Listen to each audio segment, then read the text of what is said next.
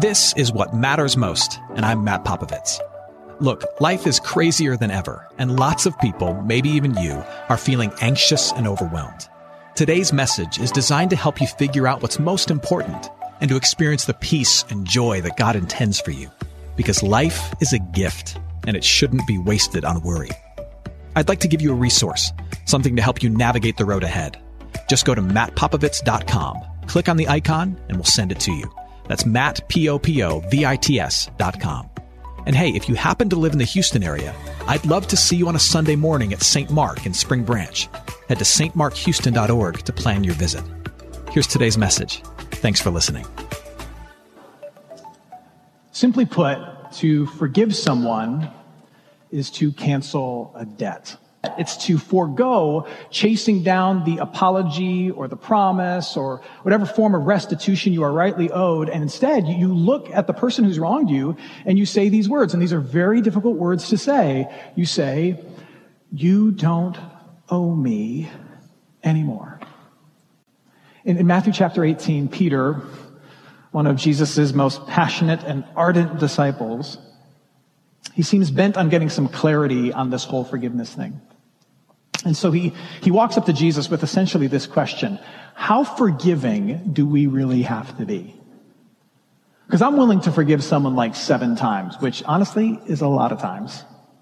How forgiving do we really have to be? It, the exchange goes like this. Matthew chapter 18, starting at verse 21. Peter says, Lord, how often will my brother sin against me and I forgive him? As many as seven times? And Jesus said to him, I do not say to you seven times, but 77 times. Some translations, depending on how you read the Greek, say 70 times seven times. Uh, Jesus may have well have quoted Buzz Lightyear in his response to Peter. How many times do I have to forgive? What does Buzz Lightyear say?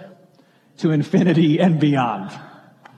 Jesus' response is, look, if you're part of my people, your forgiveness will know no ends. No matter what wrong has been given to you, you will always and endlessly pursue forgiveness with the people around you. And then to make this point, he tells this story, this now famous parable of what we call the, the unmerciful servant. And, and there's really three points to this parable. The first point is to teach us just how much we've been forgiven. And, and then to illustrate for us how we must in turn forgive others. And then to make clear to us what is at stake if we refuse to be a forgiving people.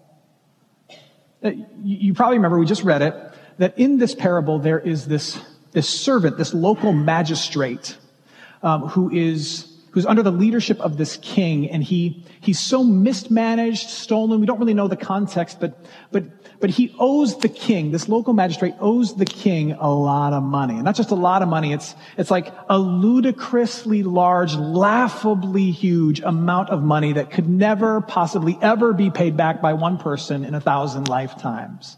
It's like NBA max contract money. It's, it's Mark Zuckerberg, Jeff Bezos, Amazon, and the guy who owns Tesla money, like all wrapped into one multiplied times 10. Some scholars have tried to say that 10,000 talents is equal to like $1 trillion in today's economy. This servant is that deeply in debt, and yet he goes and he begs to the king, and the king forgives it. The king forgives it all. This is, this is what happens starting now at, at verse 24. The servant fell on his knees, imploring the king, have patience with me, and I will pay you everything. Now the king knows it could never ever be paid back.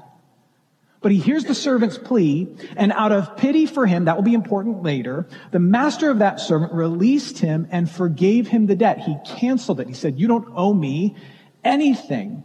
But then that same servant, he goes out from that forgiveness and he shakes down a colleague, uh, another magistrate who owes him probably like $10,000. Not a small amount of money, but compared to what he's just been forgiven, is a small amount of money. He shakes down this colleague for $10,000 and refuses to show any pity to his colleague whatsoever. And the contrast between the grace that he has received and the grace that he is refusing to extend is jaw-dropping. Now here's Jesus' point in, in this story. Jesus wants us to know that in this story, we are the servant. We are that very first servant who has had a ludicrously large, laughably huge, unpayable debt forgiven. And it's not a debt to a king or to some colleague or to whoever owns your student loans. It's a debt to God. It's a debt to God that, that you have incurred and that has increased with every stupid word you've ever used, with every time you've been short with some five-year-old that's in your life, with every dark deed that you've indulged that you've never confessed to anybody, with all the hatred you've harbored in your heart to particular people, with all the things that you've stolen, all the lies that you've told, you have incurred this deeper and deeper debt. You have this spiritual debt that is immeasurable and unpayable. It is laughably large, but we have a merciful king and he has forgiven that debt to you. But also like the servant, what Jesus wants us to see is that we quickly lose sight of all that we've been forgiven of. If we are the servant, not only has our laughably large debt been paid, forgiven, forgotten by God, we quickly lose sight of how much has been written off. We quickly lose sight of how much has been forgiven. Uh, the famous Russian author Fyodor Dostoevsky, he says that perhaps the best definition for mankind is this, the ungrateful biped. The ungrateful two-legged animal. We have this crazy ability to forget just how graced and loved by God that we have been. And that's true for me, which is why Jesus then ends this parable with this really bothersome warning. He says, if you who have received such immeasurable grace refuse to extend that grace, if you who has been forgiven this unpayable debt refuse to forgive the relatively minor debts around you, you risk being put back into your debtor's prison that you deserve. Those are harsh words from Jesus. In fact, let's read them. I mean, there's no getting around them. This is not nice, cuddly Jesus that you put on the Christmas card. This is stern warning Jesus. He says, now talking as the king, the king said, should not you have had mercy on your fellow servant as I had mercy on you? And in anger, his master, the king, delivered him to the jailers until he should pay all of his debt. He couldn't pay all of his debt. It was a life sentence. Now Jesus is speaking as Jesus now to all of his followers, to you and to me. Mark these words so also my heavenly Father will do to every one of you if you do not forgive your brother or your sister from your heart. This is the word of the Lord. Thanks be to God. That's a harsh word. Now, please understand what Jesus is not saying. Jesus is not saying that your salvation and your place in the Father's family is completely contingent on how good at forgiveness you get. That's not what he's saying. Uh, we are welcomed into God's family. We are saved purely by grace through faith alone in the work of Jesus, who has done everything to earn our forgiveness and make us members of his family. We are forgiven solely and completely by the work of Jesus. Jesus' point is this, that as your faith in him takes root in your heart, you will be a forgiving person. Forgiven people forgive people. Forgiven people, as that takes root in your heart, what do they do? They can't help but forgive people. And Jesus is saying that, that if you refuse to forgive somebody else, if you refuse to offer someone else the same grace that has been given to you, you are refusing to walk and live in the grace that has been given to you. That's what Jesus is saying. And refusing to walk in and live in the grace that God has given to you is a very dangerous place to be. Now, Jesus in this parable, he, he uses an analogy of prison to talk about the after effects of refusing to forgive. And I think it's a very helpful uh, analogy for us to use. So I want to press a little deeper into it. Jesus is essentially saying that when you refuse forgiveness, you are locking yourself up in prison. And you are, you are cornering yourself off from the life that God has actually wanted you to live. The reason He saved you is to be free from the prison of unforgiveness. But when you refuse to forgive someone else, you are locking yourself up first and really foremost in a spiritual prison of sorts. I mean, Jesus, Jesus pulls no punches. He says, if you refuse to forgive other people, you are risking eternal punishment. That's basically what Jesus says. It, it puts you at odds with God. And it means you are walking out of step with the very grace that he has shown to you. And that's a dangerous place to be. You risk spiritual imprisonment. But to refuse to forgive also puts you in like this relational prison. And I know that you've felt this. Someone in your life has wronged you in either a big way or a small way. And because you've not forgiven them and you've never dealt with it with them, it's like this cloud that hangs over your relationship. And, the two of you could just be together for the 4th of July talking about kids and sparklers and hot dogs, but you feel it. It hangs over you. It, it shapes the entire dynamic and everybody else feels it too. And the relationship is not what it could be because you've not forgiven them and you've not dealt with this issue. It puts you in a relational prison. It kind of holds the whole relationship captive. That's what it does. But there's also like this psychological prison that unforgiveness puts you in. Have you ever been so mad at someone that when you think about them or see them, the only thing you can think of is what they did to you? It consumes your heart and your mind. It puts a dark cloud over everything.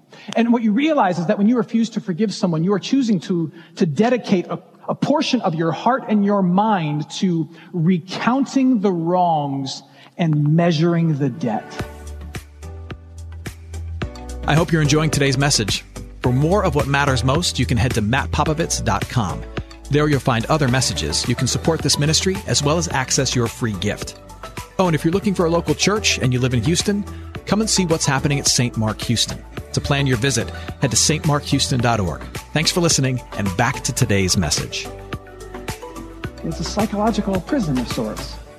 Now, I don't want to downplay at all what what someone else did to you in your life. Some, some of you have been sinned against and hurt in almost unspeakable ways. And I don't want to minimize that at all. What they did to you was horrible. And God will deal with that. God in His mercy and justice and goodness, He will deal with what they did to you.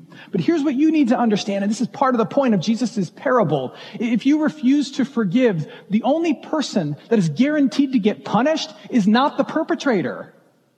The only person who is guaranteed punishment if you refuse to forgive is who? You. You, put yourself at risk of spiritual, relational, and psychological prison. And Jesus is saying this, you who belong to me, you who have been forgiven, you have been set free from the prison of unforgiveness. You have been set free. Do not, my friends, lock yourself back up by refusing to cancel the debts of others. Forgive your brother, your sister from your heart. Now you might be thinking, great, I will do that.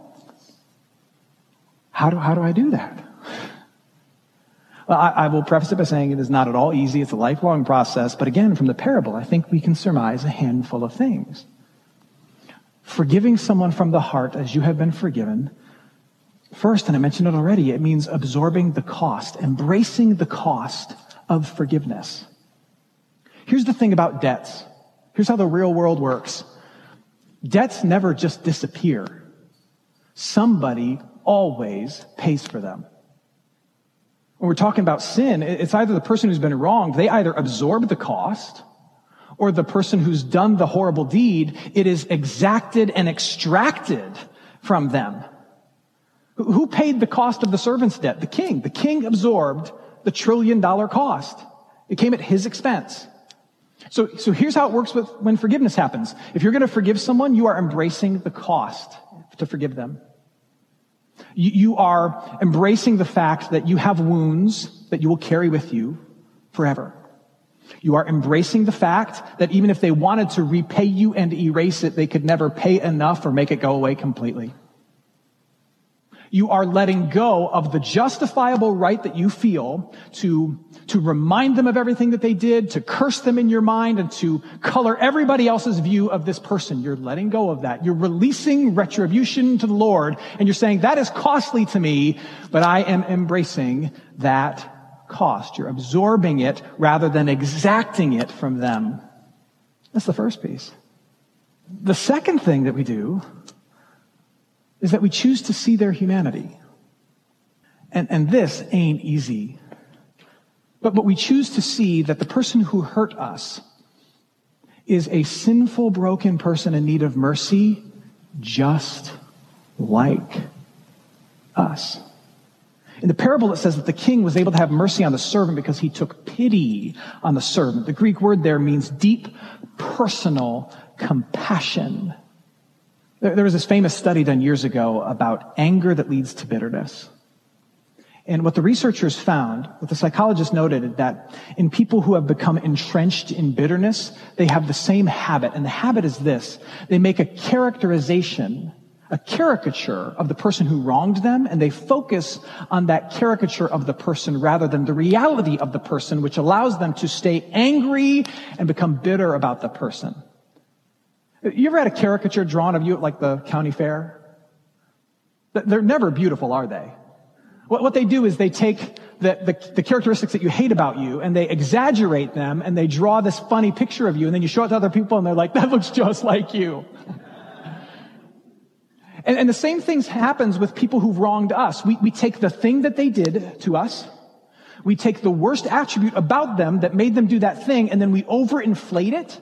And then whenever we look at them, it's all that we see which then allows us to feel continually justified in our hatred of them and our desire to exact something from them and to feel wronged by them. So for example, somebody in your life lies about you and they shouldn't have done it. It was horrible. They said some horrible things. And the next time their name comes up, you say this, oh, Ryan, Ryan's a liar. Well, Ryan is a lot of things. But you focus on the one thing that he did to you. And, and when it comes to the things that you've done wrong, you want everyone to measure you by your intentions and the context of your entire life. But when it comes to the person who did you wrong, you want to see only the thing that they did wrong to you and view them precisely and solely through that lens. That's how you stay entrenched in bitterness. You dehumanize them. But Jesus calls us to see the humanity in them, and that is hard. And then the last thing you do is you confess your own sins.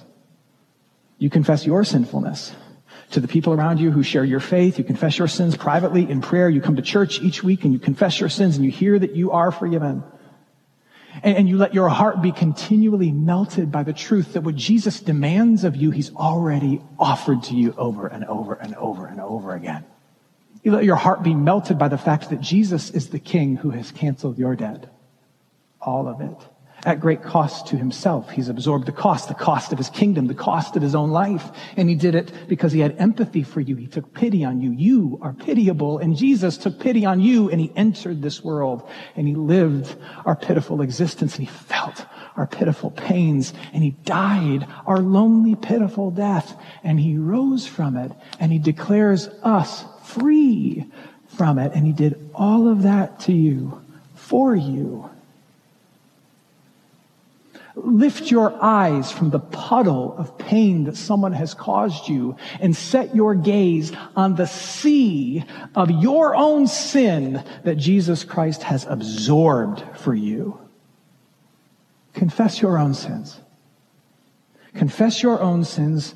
Feed off of the mountain of mercy that Jesus gives to you. Confess your own sins. And then I dare you, I dare you try to feel justified in harboring hatred and refusing to forgive somebody else. It is, it is not possible.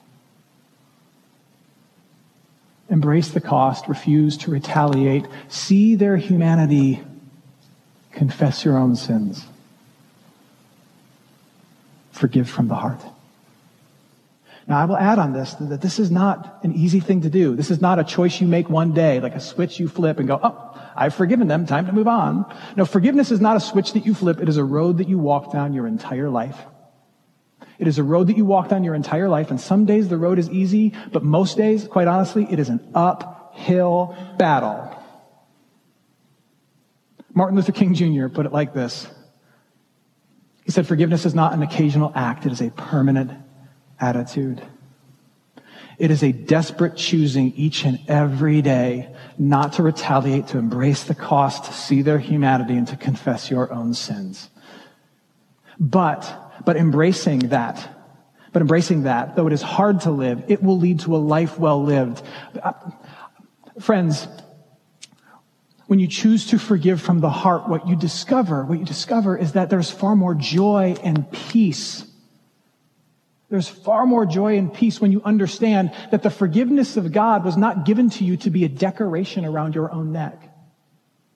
The forgiveness of God was not meant to be worn as a decoration like a party hat. It was meant, it was meant to be used like a tool and shared as a gift to other people who don't deserve it, but who desperately need it.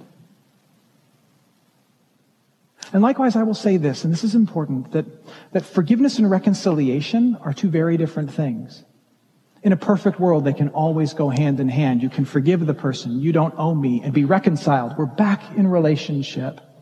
But only God can be forgiving of everyone and reconciled to everyone. That can't be expected of all of us. You can forgive someone in your heart over and over and over again and say, you don't owe me anymore. But because of their unhealth or yours, you may have to say, I can't be reconciled to you. Not because I don't forgive you, but because I love you and love myself. And it's bad for us to be like this. you can be a forgiving person and draw new boundaries. In fact, very often you have to. That's okay. forgive from the heart. I'll end with a silly and seemingly unrelated anecdote. Last month, uh, my family and I were super blessed. We were able to spend two weeks in the Rocky Mountains. We got to go hiking and fishing, and we saw all the animals on our checklist. We saw black bears, we saw bull moose, we saw a ton of elk, uh, we saw wild turkeys crossing our path, and more than anything, we saw chipmunks chipmunks like you wouldn't believe. And they were doing what chipmunks do, which is gather up nuts and acorns like crazy, right? And, and because I'm strange, I, I discovered this the other day, that there was a, there was a study done at the University of Richmond about the American chipmunk and the American squirrel and about their, their hunting gathering habits. And this, the, the study said that the average American chipmunk loses loses track of or forgets where they put 74% of their nuts. That's just nuts. they spend their entire life doing this. They're all about it. Almost all of their tiny little brain is devoted to finding acorns, hiding acorns so they can live off of acorns, and yet they lose track of three quarters of their acorns. That's insane to me. Here's where I'm going. You and I, we are no better than chipmunks we don't forget acorns. We forget mountains of mercy, oceans of grace. We remember just an ounce of what we received.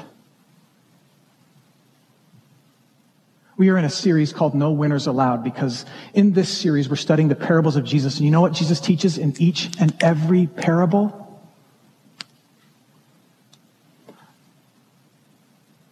That the worst of us is no worse than the best of us. That we are all in desperate need of mercy and grace. That they, you are no better than the one who wronged you, as difficult as that is to hear. And we are all recipients through Jesus Christ of mountains of mercy. Remember that. Forgiveness is not easy. But you ask me the question, Matt, how forgiving should I be? And I'll answer you with a question. How forgiven have you been? There's your answer. You, as a member of God's family, have been given mountains of grace. You have been set free from the prison, your own debtor's prison. Don't be so foolish as to lock yourself back up by refusing to walk that road of forgiveness. Forgive from the heart. Hey, it's Matt. I hope you enjoyed what matters most. Here's what I need you to know life is a gift, and it shouldn't be wasted on worry.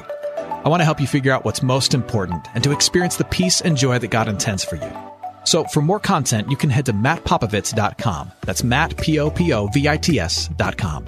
There you can also support this ministry as well as access your free resource, a little something to help you navigate the road ahead. I'd also love to see you on a Sunday morning. If you're in the Houston area, head to stmarkhouston.org to plan your visit. In the meantime, hit me up on Instagram at mpopovits or at facebook.com slash Ministries. Thanks for listening. Now go and hold tight to what matters most.